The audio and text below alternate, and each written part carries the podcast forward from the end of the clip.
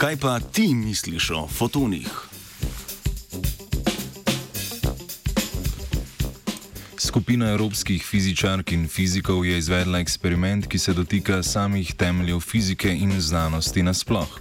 Specifično pod vprašaj postavlja, kot priprint na arhivu začenjajo avtori, vlogo opazovalca kot zadnjega arbitra univerzalnih dejstev.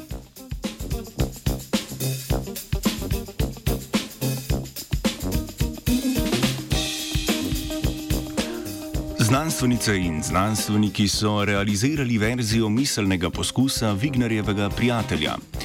Eugen Vigner si je predstavljal, da ima prijatelja, ki v laboratoriju opravlja meritev na delcu v superpoziciji dveh stanj. Ta prijatelj bo vedno izmeril samo eno stanje, vendar kot opazovalec Vigner ne more vedeti, katero. Če velja kvantna mehanika, je proces meritve unitarna transformacija. Za Vignarja je po meritvi njegov prijatelj v superpoziciji dveh stanj. Vsak izmed njih je dobil drugačen rezultat meritve.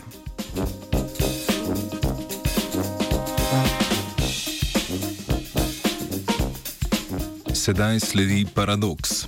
Vigner si je zamislil, da bi lahko s tem prepletenim stanjem izvedel interferenčni poskus. Zan torej ni očitno, da je njegov prijatelj dobil točno določen rezultat.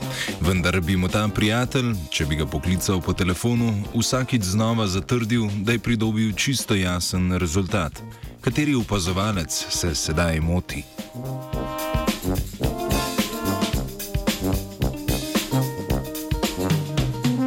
Miselni eksperiment je Wigner predlagal leta 1961, lani pa je Časlav Bruckner z Univerze na Dunaju predlagal schemo neenakosti belovega tipa za razširjeno verzijo eksperimenta, ki bi tako lahko postal ne samo miselni.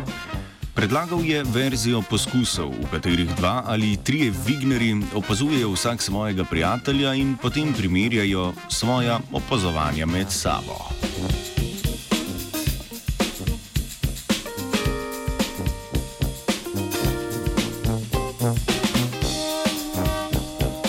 Skupina fizičark in fizikov je v svojem eksperimentu izvedla verzijo z dvema Vignerjema, ki so jo poimenovali klasično: Alica in Bob. Vsak od njiju dobi eno polovico para prepletenih fotonov. Opremljena sta še vsak s svojim interferometrom in izvorom prepletenih fotonov, s katerimi komunicirata s prijatelji. Jasno.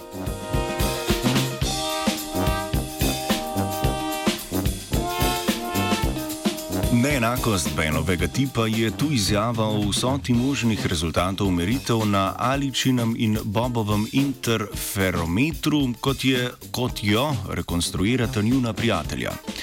Posamezna rezultata sta samo dva, ena in minus ena, kombinacij pa je 16. Vsota rezultatov bi v teoriji morala biti manjša od dve. Izmerili so približno 2,4, kar 5 standardnih deviacij odstopanja.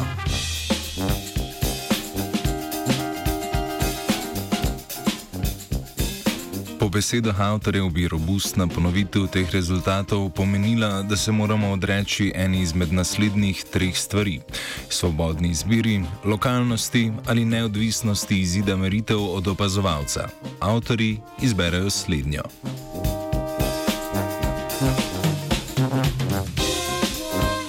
Za zaključek povejmo, da objavljen rezultat ni ro robusten. Ko so v 80-ih letih začeli preverjati kršitve neke druge velove neenakosti, je izločitev sistemskih pristranskosti v meritvi trajala tri desetletja. Avtori vseh pomankljivosti niso uspeli odpraviti, optimizma za nagov uspeh glede tega pa ne kažejo. Vsaj še nekaj časa bodo torej kvantna dejstva neodvisna od opazovalcev, Prepletel se je Wagnerjev, Vignerjev prijatelj Martin.